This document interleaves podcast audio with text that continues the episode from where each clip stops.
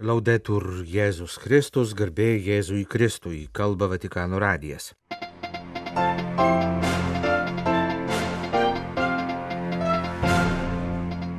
Sekmadienio pavakare popiežius vadovavo metus užbaigiantiems švenčiausiosios mergelės Marijos Dievo gimdytojos iškilmės pirmiesiems mišparams.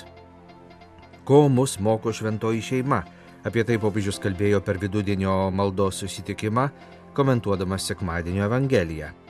Šią progą popiežius dar kartą prašė melstis už nuo karų kenčiančias tautas, taip pat priminė gruodžio 31-ąją sukakusias Benedikto XVI mirties metinės. Toliau mūsų laidoje švenčiausiosios mergelės Marijos, Dievo gimdytojos iškilmės Evangelijos komentaras.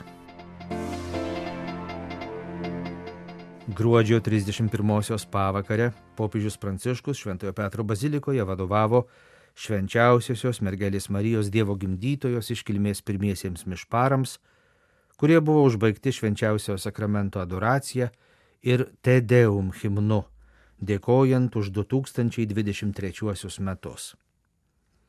Tikėjimas mus skatina šią valandą gyventi kitaip, nei minimos šventės persisunkusios pasaulio mąstysena Tikėjimas į Jėzų Kristų, įsikūnijusi Dievą gimusi iš mergelės Marijos, leidžia naujai pajusti laiko ir gyvenimo prasme. Dėl to, sakė Pranciškus, šią akimirką tikinti į žmogų lydi dėkingumas ir viltis. Popiežius pastebėjo, kad visi tikintieji ir netikintieji į naujus metus žengia su dėkingumu ir viltimi.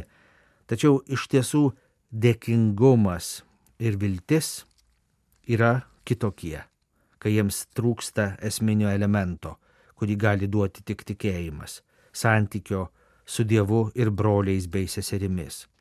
Jei žmogus apsirikboja tik savo paties akiračių, jo turima viltis neperžengia paprasto optimizmo ribų. Tuo tarpu Dievo motinos, Marijos ir bažnyčios viltis nėra tik optimizmas, bet yra kažkas kita. Tai tikėjimas Dievu, kuris yra ištikimas savo pažadams ir šis tikėjimas įgauna vilties formą. Bažnyčia mokosi dėkingumo ir vilties iš mergelės motinos. Dėl to ir šios liturgijos kulminacija yra himnas Tedeum laudamus, plačiai alsuojantis šlovinimu, garbinimu ir dėkingumu. Krikščionis, kaip ir Marija, yra vilties piligrimas, sakė Pranciškus, primindamas, kad tokia bus ir 2025 m. jubiliejaus tema vilties piligrimai. Popiežius prašė tikinčiosius visame pasaulyje jau renktis jubilėjinėms piligrimystėms, o Romos miesto bendruomenę piligrimus priimti. Brangus broliai ir seserys, piligrimystėje reikia pasirenkti. Štai kodėl metai prieš jubiliejų turi būti skirti maldai. O kas gali būti geresnis maldos mokytojas už mūsų šventąją motiną?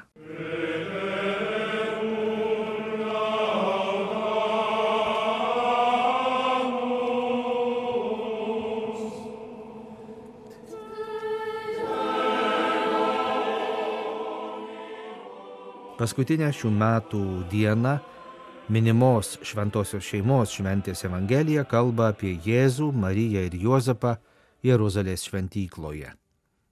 Sekmadienio vidudienį prieš viešpaties angelo maldą komentuodamas šią sceną, popiežius pirmiausia atkreipė dėmesį į evangelisto pabrėžiamą šventosios šeimos neturtą ir Dievo motinai skirtą pranašystę, kad jos širdį perversęs kalavijas.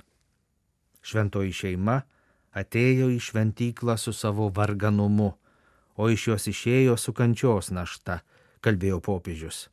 Ciò desta sorpresa. Ma come la famiglia di Gesù, l'unica famiglia della storia che può vantare in se stessa. Tai kelia nuostaba, kaipgi įmanoma šventoji šeima, vienintelė šeima istorijoje, savo nariu turinti Dievą, yra neturtinga. Niekas jai nepadeda, o tik trukdo. Pasak popiežiaus, šventosios šeimos pavyzdys mūsų šeimoms skelbia vieną labai svarbų dalyką. Dievas, kurį dažnai įsivaizduojame kaip nesusijusį su mūsų problemomis, arba tik kaip galinti pašalinti mūsų problemas, iš tiesų atėjo pas mus ir įsiliejo į mūsų gyvenimą su visomis jo problemomis. Jis mus išgelbėjo, apsigyvendamas tarp mūsų. Jis nevengė sunkumų, bet pasirinkdamas šeimą, jis sako mūsų šeimoms. Jei atsidurėte sunkumų sukūryje, aš žinau, ką jaučiate, nes esu tai patyręs. Mano motina, tėvas ir aš tai patyrėme. Dėl to jūsų šeima te žino, kad nėra viena. Popiežius atkreipė dėmesį į kitą sekmadienio Evangelijoje pastebimą dalyką. Juozapas ir Marija stebėjosi, girdėdami, kas sakoma apie jų kūdikį. Sugebėjimas stebėtis, būti nustebintiems, gali padėti ir mūsų šeimoms. Labai svarbu, kad sutoktiniai sugebėtų su nesibaigiančia nuostaba džiaugtis vienas kitu. Svarbu žavėtis gyvybės stebuklu, vaikais, rasti laiko su jais žaisti ir juos išklausyti. Svarbu stebėtis senelių išmintimi ir ramybę, kurie padeda neužmiršti, kas yra esminiai dalykai gyvenime. Galiausiai pasak Pranciškaus, svarbu su tuoktiniams su nesibaigiančia nuostaba dėkoti už savo meilės istoriją, kurią Dievas palydi visada net tada, kai mums atrodo, kad vyrauja neigiami dalykai. Marija, šeimos karalienė, padėk mums kasdien stebėtis gėriu ir mokėti jį išvelgti aplinkinių veiduose. Malda baigė Pranciškus. Benedicat vos, omnipotens Deus, Pater et Filius et Spiritus Sanctus. Amen. Amen. Sekmadienio vidudienį popiežius prašė nepaliauti melstis už tautas, kenčiančias dėl karų. Iškankintus Ukrainos žmonės, Palestinos ir Izraelio, Sudano gyventojus. Metų pabaigoje išdrįskime savęs paklausti, kiek žmonių gyvybių nusinešė ginkluoti konfliktai, kiek žmonių žuvo, kiek kančių, kiek smurto, sakė Pranciškus. Popiežius taip pat prašė neužmiršti jau daug metų kenčiančių rohinijų Jis taip pat paminėjo Nigerijoje kalėdų džiaugsmą užgožusius smurtingus išpolius, kurie pareikalavo daug aukų. Meldžiuosi už žuvusius ir jų šeimas, tegul Dievas išgelbsti Nigeriją nuo šių baisybių. Taip pat meldžiuosi už tuos, kurie žuvo per cisternos sprogimą Liberijoje, pridūrė Pranciškus. Popiežius taip pat priminė prieš metus, paskutinę 2022 m. dieną, mirusį popiežių Benediktą XVI. Papa Benedetto XVI concludeva il suo cammino terreno. Prieš metus popiežius Benediktas XVI baigė savo žemiškąją kelionę, tarnavęs bažnyčiai su meilė ir išmintimi. Jaučiame jam daug meilės, daug dėkingumo, žavimės juo. Iš dangaus jis mus te laimina ir te lydi, sakė Pranciškus ir paprašė plojimais pagerbti prieš metus mirusio popiežiaus atminimą. Praėjus metams po Benedikto XVI mirties, teisinga ir natūralu kalbėti apie jo palikimą, rašo italas jėzuitas tėvas Federico Lombardi, Josefo Ratzingerio Benedikto XVI fondo pirmininkas. Prieš metus 2022 gruodžio 31 dieną miręs Benediktas XVI Nebejotinai buvo tikėjimo mokytojas. Taip pat visiems aišku, kad jis buvo ir gyvenimo pagal tikėjimą liudytojas. Tačiau šią progą reikia atkreipti dėmesį visų pirma į tai, kad Josefas Ratzingeris tebėra labai vertingas palydovas tiems, kurie su aistra seka žmonijos istorijos peripetijas šioje žemėje, su visais dramatiškais, šiandien kylančiais klausimais. Negalime nematyti, rašo tėvas Lombardi, kad mūsų pasaulio kelias daugeliu atžvilgių atrodo nenuspėjamas ir nevaldomas. Ekologinė krizė, staigus pokyčiai technologijų naudojimo srityje, vienas kitam prieštaraujantis reikalavimai dėl teisių, tarptautinio sambuvio sukretimai, vis grėsmingiau plintantys karai. Benediktas XVI nuodugniai aptarė mūsų amžiaus krizės priežastis ir siūlė šio laikiniai kultūrai praplėsti savo akiratį suteikiant vietos etikos ir tikėjimo racionalumui. Ši perspektyva tai siūlymas mėgsti tikinčiųjų dialogą su šio laikinė kultūra. Benedikto XVI krikščioniškoje vizijoje tikėjimo racionalaus pagrindimo praplėtimas reiškia meilės logiką, kuri virsta neatlyginamu tarnavimu, brolybė, solidarumu ir susitaikymu. Tiesa ir meilė labiausiai pasireiškia Dievo žodžio įsikūnyjime. Pasak tėvo Lombardį čia matome testinumą tarp Benedikto XVI enciklikų Deus Caritas Est, Caritas in Veritate ir Pranciškaus Laudatos į Fratelli Tutti. Pagrindinės dviejų pontifikatų temos seka viena paskui kitą.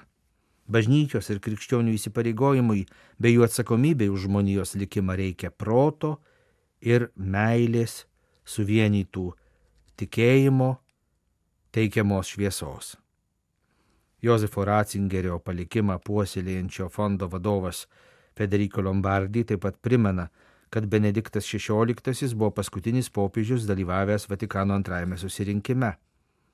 Jis palieka mums liudijimą apie neblėstantį susirinkimo aktualumą ir skatina toliau be baimės plėtoti susirinkimą paskatinusias ir jos kelbiamas idėjas, performuluojant pačią bažnyčios misiją pasaulyje, įpareigojant protą ir tikėjimą kartu darbuotis dėl žmonijos ir pasaulio gerovės bei išganimo.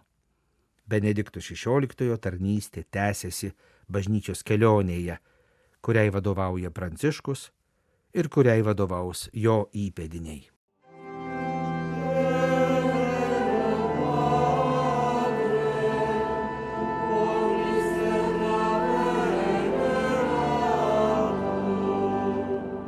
Švenčiausiosios mergelės Marijos Dievo gimdytojos iškilmė iš Evangelijos pagal Luką. Anuo metu piemenys atsiskubino į Betliejų ir rado Mariją, Juozapą ir kūdikį paguldytą ėdžiuose. Išvykę jie apsakė, kas jiems buvo pranešta apie šitą kūdikį, o visi žmonės, kurie girdėjo, stebėjosi piemenų pasakojimu. Marija dėmėjosi visus šiuos dalykus ir svarstė juos savo širdyje. Piemenys grįžo atgal garbindami ir šlovindami Dievą už visą, ką buvo girdėję ir matę, kaip jiems buvo paskelbta. Praslinkus aštuonioms dienoms, kai reikėjo apipjaustyti berniuką, jam buvo duotas Jėzaus vardas, kurį angelas buvo nurodęs dar prieš jo pradėjimą iščiose. Skaitome švenčiausiosios mergelės Marijos Dievo gimdytojos iškilmės Evangelijos komentarą, kurio autorius monsinjoras Adolfas Grušas. Vien tik Dievas. Moteris suvokiama kaip motina tada, kai jį susilaukia kūdikio. Taip ir Marijos mes negalime įsivaizduoti be Jėzaus. Vis dėlto Nazareto mergaitės motinystė yra išskirtinė, nes ji yra Dievo motina. Tai titulas pranokstantis bet kokį žmogišką įsupratimą ir jį įmanoma suprasti tik padedant tikėjimui. Biblinė istorija, atrodo, pripratino mus prie vienokios ar kitokios stebuklingos motinystės, taip kaip dabar mokslinė techninė pažanga leidžia spręsti įvairias nevaisingumo problemas, kad ir imdamasi etiškai nepriimtinų manipulacijų. Tačiau nieko met joks tikintysis nebūtų drįsęs įsivaizduoti, kad moteris gali tapti Dievo sūnaus motina. Vien tik dieviškasis pasirinkimas, skirtas tam, kas yra maža ir silpna, gali kažkiek nušviesti šią paslaptį. Ir kaip tik šios šventės Evangelija mums kalba apie mažumą. Visų pirma, įspūdį daro piemenų atvirumas, kai jie nedvėjodami paklūsta angelo kvietimui eiti į Betliejų. Šiandien žmonės prieš keliaudami link kokio nors tikėjimo nurodyto tikslo, nesvarbu ar tai būtų ryšių su klaidingu gyvenimo būdu nutraukimas ar drąsaus pasirinkimo realizavimas, pirmiausia kalba apie tai, jog turi jaustis tam pasirengę Tiesa, ką reiškia būti pasirengusiems, jie taip ir nesugeba paaiškinti, bet užtat labai dažnai atidėlioja neribotam laikui tai, ką jiems aiškiai nurodė dvasia. Kitas paprastumo ženklas tai kūdikis paguldytas ėdžiose. Mums gerai žinoma eucharistinė ėdžių simbolika, kai gyvulių maitinimo vieta tampa lopšiu tam, kuris savimi maitins visą pasaulį. Bet nežiūrint to vis tiek, privalome nepamiršti tikrovės apie vargingą mesijo gimimo aplinką. Taip pat ir nuostaba tų, kurie klausėsi piemenų pasakojimo, tipiška mažiesiems. Šiandien pedagogai moko apie pavojų, viską iki smulkmenų papasakoti vaikams. Ir to nerekomenduoja, kad taip jie neva būtų apsaugoti nuo nusivylimo.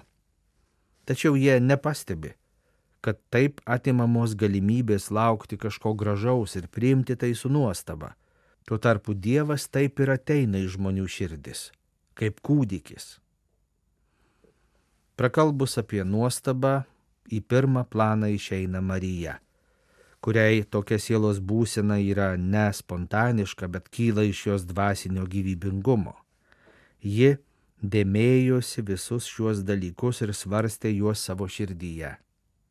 Evangelistas čia labai taikliai pastebi mergelės Marijos sugebėjimą pastebėti su Jėzumi susijusius įvykius ir atskleisti jų prasme pagal Dievo planą. Jos nekalta širdis, nepadalinta priklausanti Dievui, sugebėjo sujungti į vieną iki tol nematytus ir nepaaiškinamus įvykius. Tai vertinga pastaba mums.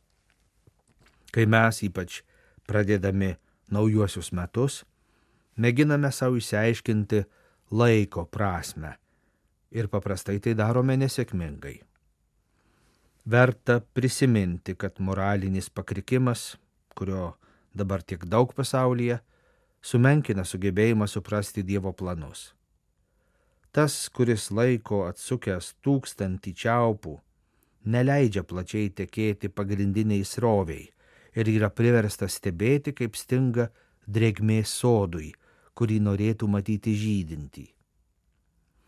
Šalia to Marija savo pavyzdžių mus moko, kad širdis ta žmogaus vidinė dimensija pati pasižymi vidiniu gyvybingumu, kurio niekas negali paneigti. Labai daug žmonių veikia, paklusdami pirmajam impulsui, kiti imasi išskaičiavimų, tuo tarpu Marija parodo, kad nepertraukiamame dialoge su Dievu mes kiekvienas nusprendžiame, kokiu žmogumi norime būti. Evangelijos tekste nėra aiškiai pasakyta, Tačiau reikia manyti, jog Marija nesijautė vieniša, bet nuolat prieš akis turėjo tėvo, surūpeščių žvelgiančio į sūnų veidą. O kaip mes? Ar esame tikri, jog Dievas yra mūsų ypatingas pašnekovas? Marija, kuri savo žvilgsnį kreipia į Dievą, jau iš anksto mylėjo visus.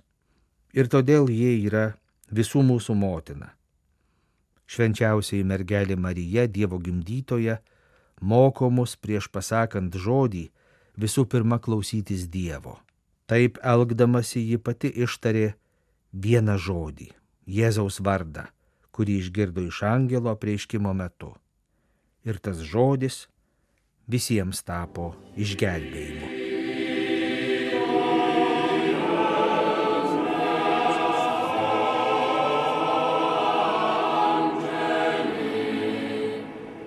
Jūs klausėtės Vatikano radio laidos lietuvių kalba. Laimingų naujųjų metų. Laudetur Jėzus Kristus.